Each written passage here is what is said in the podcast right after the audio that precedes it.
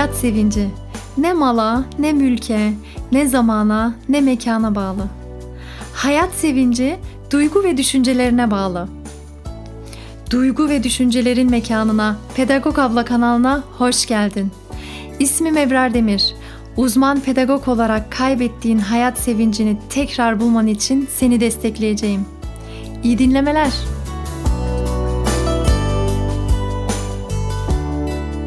Sağ olsun arkadaşım Cuma günü sosyal medya üzerinden bir yazı yazmış. Bizimle e, geçmişte yaşanılan bir şeyi ele almış. Ben de o yazıyı okuduktan sonra tamam dedim. Bu hafta güven konusunu işleyeceğim inşallah dedim. 3 yıl birlikte çalıştık kendisiyle. Hem bir ekip olarak çalıştık. He, aynı odadaydık yani. Bayağı bütün gün bir aradaydık.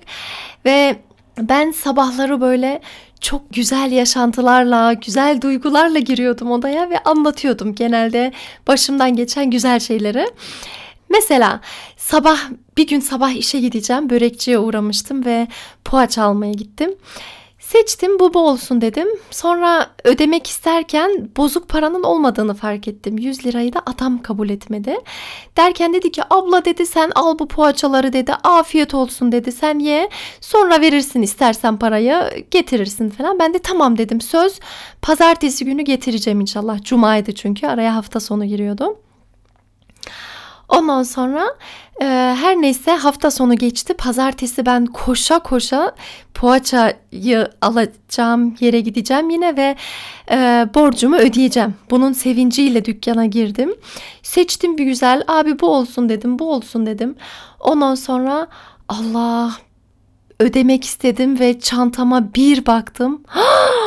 Cüzdanımı evde unutmuşum borcumu ödememişim gibi bir de yeni seçtiklerim şeyler oldu. Sağ olsun bunu gören çalışan dedi ki abla dedi sorun yok. Afiyet olsun sen bunu da ye. Ödersin sonra ödersin. Hiç önemli değil. Afiyet şeker olsun sen bunları da alıyorsun. Ben bari yenileri almamak için böyle arkamı döndüm çıkayım dedim ama e, mümkün değil. Sağ olsun bana onları da verdi ve e tabi bunu yaşamış olan ben. Odaya girer girmez tabii ki güzel şeyler anlatacağım ve şöyle şeyler diyordum. Ya Türkiye'deki insanlar ne kadar güzel, nasıl tatlı insanlar bunlar ya diyordum. Çünkü ben böyle bir şeye alışkın değilim. Almanya'da değil paranı evde unutmak. Mesela e, 30 kuruşsa eğer bir küçük ekmekçik ve o 30 30 kuruşun 5 kuruşu yanımda yoksa onu bile ben veremem diyor çalışanı. Yani öyle kuralları var. Ve ben bu Türkiye'deki güven konusunu seviyorum işte. Ve arkadaşım da her zaman bana şöyle tepki veriyordu. Canım o adam iyi olduğundan değil. Geleceğe yatırım yapmış. Biliyor zaten senin yine oradan alacağını. O yüzden böyle yapmıştır falan. Ya git Allah aşkına diyordum ben de istemesem dönmem adama parasını da vermem ama adam bana güveniyor. Hem ben de ona güveniyorum. Ben insanlara güvenmek istiyorum gibi tartışmalara giriyorduk. Buradan ona da selam iletiyorum. Ve Şimdi bu yazıyı yazmadan önce kendisi de e, böyle bir şey yaşamış. Başından bir olay geçmiş. İşte otoparkta bebeğiyle birlikte parasının olmadığını fark ediyor. Ondan sonra abi demiş benim param yok. Abi de bebeğini görünce demiş ki sen git sonra ödersin abla demiş. Çocuk var şimdi uğraşma sen demiş. Tabii arkadaşım erimiş bitmiş ve e, bana dünyayı verse ancak o kadar sevinirdim diyor burasını okuyorum. Borç yiğidin kamçısıdır diyerek Türkiye'deki insan bir başka be diyen sevgili arkadaşıma sesleniyorum. Pedagog abla beni affedebilecek misin? O abiler muhtemelen mafya ama iyi mafya. Hani Çakır vardı rahmetli onun gibi. Teşekkürler pedagog abla teşekkürler otopark mafyasının yufka yürekli abileri. Bu arada abiye mafya demekten de geri kalmıyor yani. Bakın hala bir güvensizlik var. Belki mafya değildir, belki de değildir. Nereden biliyorsun Kübra hocacığım? Ve evet ben insanlara, hayata, kendime, her şeye güvenmeyi seçiyorum ve bu podcast'te de neden güvenmemiz gerektiğini ele almak istiyorum. Bence gerçekten Türkiye'de aşırı tatlı ve merhametli insanlar var. Henüz robotlaşmamış, e, başkalarını doyurmaktan zevk alan, bunu da al, bunu da al diyen ve Bu tatlı insanlar var ama çok ilginç insanlar arası acayip bir güvenmeme, bir karşı tarafa güvenmeme durumu var. Kimse kimseye güvenmiyor. Yani kimse demeyelim ama çoğu insanlar çoğu insanlara güvenmiyor ve buna ben gerçekten çok üzülüyorum. Çünkü güveni seçmeliyiz biz. Çünkü güven gittiği zaman yavaş yavaş e, birçok şeyi de götürüyor senden. Mesela insanlara artık güvenmiyorum diyorsun. Sonra insanlara güvenmedikten sonra artık kendine de güvenmemeye başlıyorsun. Sonra dibine kadar Müslüman olduğunu düşünüyorsun ama artık Allah'a olan güvenin de zedelenmiş oluyor. Şöyle düşünceler içten içe hakim olmaya başlıyor. Hiç kimseye güvenmem. Hayat berbat bir yer. Niye yaşıyoruz ki biz ya? Niye ne işimiz var ki bizim burada? Ne türküler var bu ruh haliyle ortaya çıkmış mesela. İsyan gibi.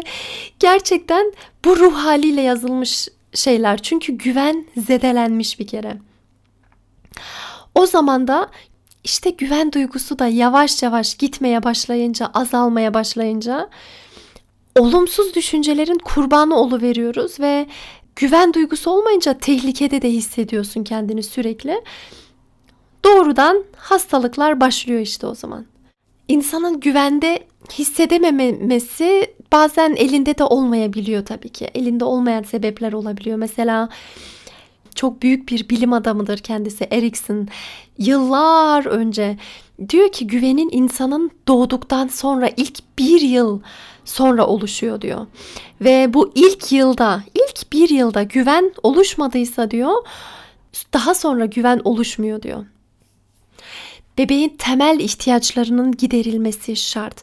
Temel ihtiyaçları da beslenme, şefkat ve sıcaklık sürekli fiziksel yani beslenmesine odaklanırsa anne ama şefkatini veremezse, sıcaklığını veremezse veya sadece sıcaklık veremezse, sadece şefkat veremezse o zaman bile çocuk hayatı tehlikeli değerlendirmeye başlıyor ve güvensizlik duygusu başlıyor.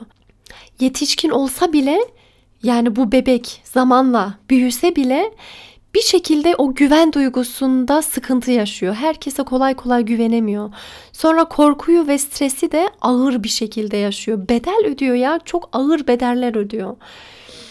Tabi bunu Erikson söylemiş zamanında ama bugün biliyoruz ki güven duygusu sadece ilk yılda oluşan bir şey değil veya kaybedilen veya bulunan bir şey değil. Zaten o zaman haksızlık olurdu bir kere oluşturmamışım güveni oldu gitti bitti. Hayır beynimizin esnek olduktan ötürü e, sürekli ömür boyu güven duygusunu tekrar oluşturabiliyoruz biz. Ve sadece bebeklikte değil ömür boyu da güvensizlikler başlayabiliyor. Mesela arkadaşlarla olan ilişkiler ciddi zedeleyebiliyor. Mesela zorbalığa uğradıysan, çok ağır bir şekilde hakaret edildiysen veya evlendikten sonra da birden güvensizlik ilişkisine bürünüp güveni kaybedebiliyorsun veya çok yakınının ölmesinden sonra böyle neye uğradığını şaşırdıktan sonra güven duygusu azalabiliyor veya bir travma yaşarsan, bir kaza yaşadın ve hayatı güvensiz bir yer olarak değerlendirmeler anında başlayabiliyor. Her an güvensizlikler başlayabiliyor. Bu sebeple sadece bir alana sıkıştırmamak gerekiyor. Bu bir imtihandır deyip tekrar güven duygusunu oluşturmamız gerekiyor. Keşke hepimiz her zaman güvende hissedebilsek bu kadar kolay olsa. Hop diye oluşan bir şey değil zaten güven duygusu. Kendiliğinden oluşan bir şey değil işte. Bu da mücadele istiyor. Bu da biraz bakım istiyor. Olumlu yaşantılarla, olumlu düşüncelerle, güven duygusunu tekrar oluşturmamız gerekiyor. Çünkü bir imtihandan geçiyoruz neticede. Bir dönem musibetler geliyor üst üste, olumsuz yaşantılar ard arda geliyorsa veya üst üste hayal kırıklığı yaşıyorsan, kayıplar yaşıyorsan o zaman güvensizlikler başlıyor. Güven duygusunu kaybetmenin sebebi ne olursa olsun. Belki küçüklükte gerektiği kadar sevgi görmedin, ilgi görmedin. Belki başına kötü şeyler geldi, sıkça hayal kırıklıklarına uğradın, işlerin hiç rast gitmiyor, belki maddi sıkıntıların var, hastalıkların var, belki annen babanı ya da yakınlarını kaybettin, anneni, babanı ya da yakınlarını kaybettin. Belki annen baban boşandı. Ne olursa olsun. Her şeye rağmen güvenmelisin. Çünkü güven duygusu olmasa hayatın tadı kaçıyor. Hayatın anlamı kaçıyor. Yaşamanın hiçbir anlamı kalmıyor. Güven demek hayatı olduğu gibi kabul etmek demek. Hayata sen olduğun gibi iyisin demek. Değiştirmeye gerek yok. Benim benim değiştirmeme gerek yok demek. Güvenmek demek ne olursa olsun zamanı gelince olacaktır. Eğer zamanı gelmediyse olmayacaktır demektir. Güvenmek demek huzurlu olabilmek demektir. Rahatlayabilmek demek ve bir de güvenmek demek benim her şey istediğim gibi olsun düşüncesinden vazgeçmek demek. Biz istiyoruz ki hayatım hep benim istediğim gibi geçsin.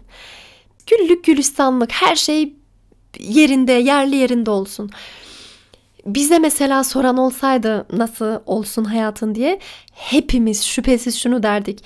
Hep sağlıklı olalım, hep güzel olalım, varlıklı olalım, işlerimiz hep iyi geçsin, kariyer yapalım, başarılı olalım, çocuklarım hiç hasta olmasınlar. Biz de hasta olmayalım. Sınıfın en zeki çocukları benim çocuklarım olsun. En çalışkan onlar olsun gibi bir sürü şeyler söyledik, söylerdik. Ama şunu anlamamız gerekiyor. Hayat böyle bir yer değil. Hayatta hiçbir zaman her şey böyle mükemmel tıkırında gitmiyor işte. Hayat böyle olursa güzel, hayat istediğimi yerine getirirse hayatla anlaşırım diye düşünceler oluşuyor ve gözümüz hep o kafamızda oluşturduğumuz şeylerde oluyor. Herkesin şeyi var. Benim hiçbir şeyim yok. Sonucuna varıyoruz. Sonra şöyle düşünceler oluşmaya başlıyor. Hayat böyle benim istediğim gibi olursa ancak hayata güvenebilirim yoksa güvenemem. Hayat istediğimi yerine getirirse onunla anlaşırım yoksa anlaşmam. Haşa ve bu düşünce yapısına bürünebiliyoruz ve bu bizi öyle bir köşeye sıkıştırıyor ki yok canım hayat öyle sana istediğini sunan bir mekan değil. Hayat en basitinden cennet değil bir kere imtihanın var zorlanacaksın bu süreçlerden geçeceksin. Hayatta umduğumuzu değil, bulduğumuzu alıyoruz işte. Bunu kabul etmemeliyiz. İzin ver kendine. Hatalarına izin ver. Yetersiz olmana izin ver. Aciz olmana izin ver ve neticede insansın ve insan olmana izin ver. Bizim bu yüzden bu durumdan kurtulmamız lazım. Tekrar güven duygusuna gelmemiz lazım. Güvenmemiz lazım ve bizi güvensizlik durumundan kurtarabilecek şeyin sadece gerçekten bu üç şeyin içerisinde olduğunu düşünüyorum. Bir, Allah'a güvenmelisin. En başta Allah'a güvenmelisin. Kendimizden çok daha büyük ve çok daha bir güçle bağlanmamız lazım bizim. Biz insan olarak aciziz işte. Hayatta yapabileceğin en güzel şeyleri yapsan bile bir süre sonra yoruluyorsun veya başka duygular geliyor ve spor yapıyorsun, terliyorsun, yemeğin tadını çıkarayım diyorsun, yiyorsun sonra karnın ağrıyor. Mutlak bir mutluluk yok bu dünyada. Bu yüzden aciz olmamızı kabul edip tek şansımız kendimizden çok daha büyük olan bir Allah'a sığınmak. Ve Allah diyor ki dur diyor senin bir planın olabilir ama benim de bir planım var. Senin düşüncelerin olabilir ama benim de düşüncelerim var. Başına ne geldiyse gelsin. Sana özel olarak yapılmış kötülük gibi algılamana gerek yok. Her şeyin bir anlamı var. Başına gelen en kötü şeyde bile yine de yine de bizi kurtaracak olan şey şükür. Allah'ın bize gönderdiği peygamberlerle de bize bir sürü mesaj veriyor aslında. Allah peygamberlerin hiçbirisi keyifli böyle bir hayat geçirmedi. Peygamberlerimizden taşlananlar oldu. Bir günde bütün evlatlarını kaybedenler oldu. Kuyuya düşenler oldu. Ama tekrar o kuyudan çıkıp Mısır'ın sultanı olan oldu ve bunlar bize acayip derin mesajlar veriyor. Biz de öyle düşeceğiz ama sonra Allah'ın yardımı gelecek ve düşüp kalka, düşe kalka, düşe kalka olgunlaşma sürecine gireceğiz ve biz biz olacağız. Ben, bir benlik gelişecek. Evet ben düştüm ama biliyorum ki tekrar kapılar açılacak. Tekrar Allah'ın yardımı gelecek. Allah'a olan güven oluştuktan sonra zaten kendime olan güven de oluşur. Allah'ın yarattığı bir kul olarak kendime bağlanmam gerektiğini anlarım. Bu yüzden ilk önce Allah'a güvenmek diyorum. İkincisi Allah'ın yarattığı bir kul olarak zaten kendime de güvenmem gerektiğini anlayabilirim. Ben kendime belki hoş bulmuyorum, belki kendime kendi bazı yanlarımı sevmiyorum ama beni Allah yarattı ya. Ve ben Allah'ın yarattığı bir kulum bana sorumluluk verdi ve bu beni yine bana bir güven duygusu verebilir. Eğer gerçekten güven duygusunda sıkıntı yaşıyorsak da şöyle bir deyim vardır. Fake it until make it. Yani mış gibi yap ta ki kendine güvenene kadar. Gerçekten çok etkili bir yöntem. Böyle düşünüp güvenli mesela kendine çok güvenen bir insan tipi karşına getirip ben de onun gibi davranmak istiyorum. O olsaydı nasıl davranırdı diye düşündükten sonra belirli bir zaman sonra bir bakmışsınız siz de onun gibi davranmaya başlayabiliyorsunuz ve bu da etkili bir yöntem. Bunu da tavsiye edebilirim. Ben büyüğüm ya. Beni Allah yarattı ve Allah bana sorumluluklar verdiyse, bana güvendiyse ben kim oluyorum da kendime güvenmiyorum. Ve üçüncüsü Allah'ın yarattığı diğer güzel insanlara da bağlanmak. Onlarla da güven ilişkisi kurmak. İnsanlarla konuşmak bizim en etkili ilacımız. Nörobilimin son söylediği şey bu. İnsanda motivasyon sistemini harekete geçiren en etkili şey nedir diye araştırmaların sonucunda şu çıktı. Sosyal ilişkiler. Yani motive olabilmem için sosyal ilişkilere ihtiyacım var benim ve sosyal ilişkilerle birlikte aşırı bir şekilde motive olabiliyorum. Bu sebeple önce Allah'a, sonra yarattığı bir kulu olduğu için kendine, daha sonra etrafındaki insanlara güvenmelisin. Çünkü sadece güvendi, güvende hissettiğin zaman becerilerini ve yeteneklerini ortaya koyabilirsin ve keşfedebilirsin. Sadece güvende hissettiğin zaman başka insanlara da güven duygusu verebilirsin. Çok büyük bir ihtiyaç. Hepimizin temel ihtiyaçları güven duygusu ve sadece güvende hissettiğin zaman sevebilirsin.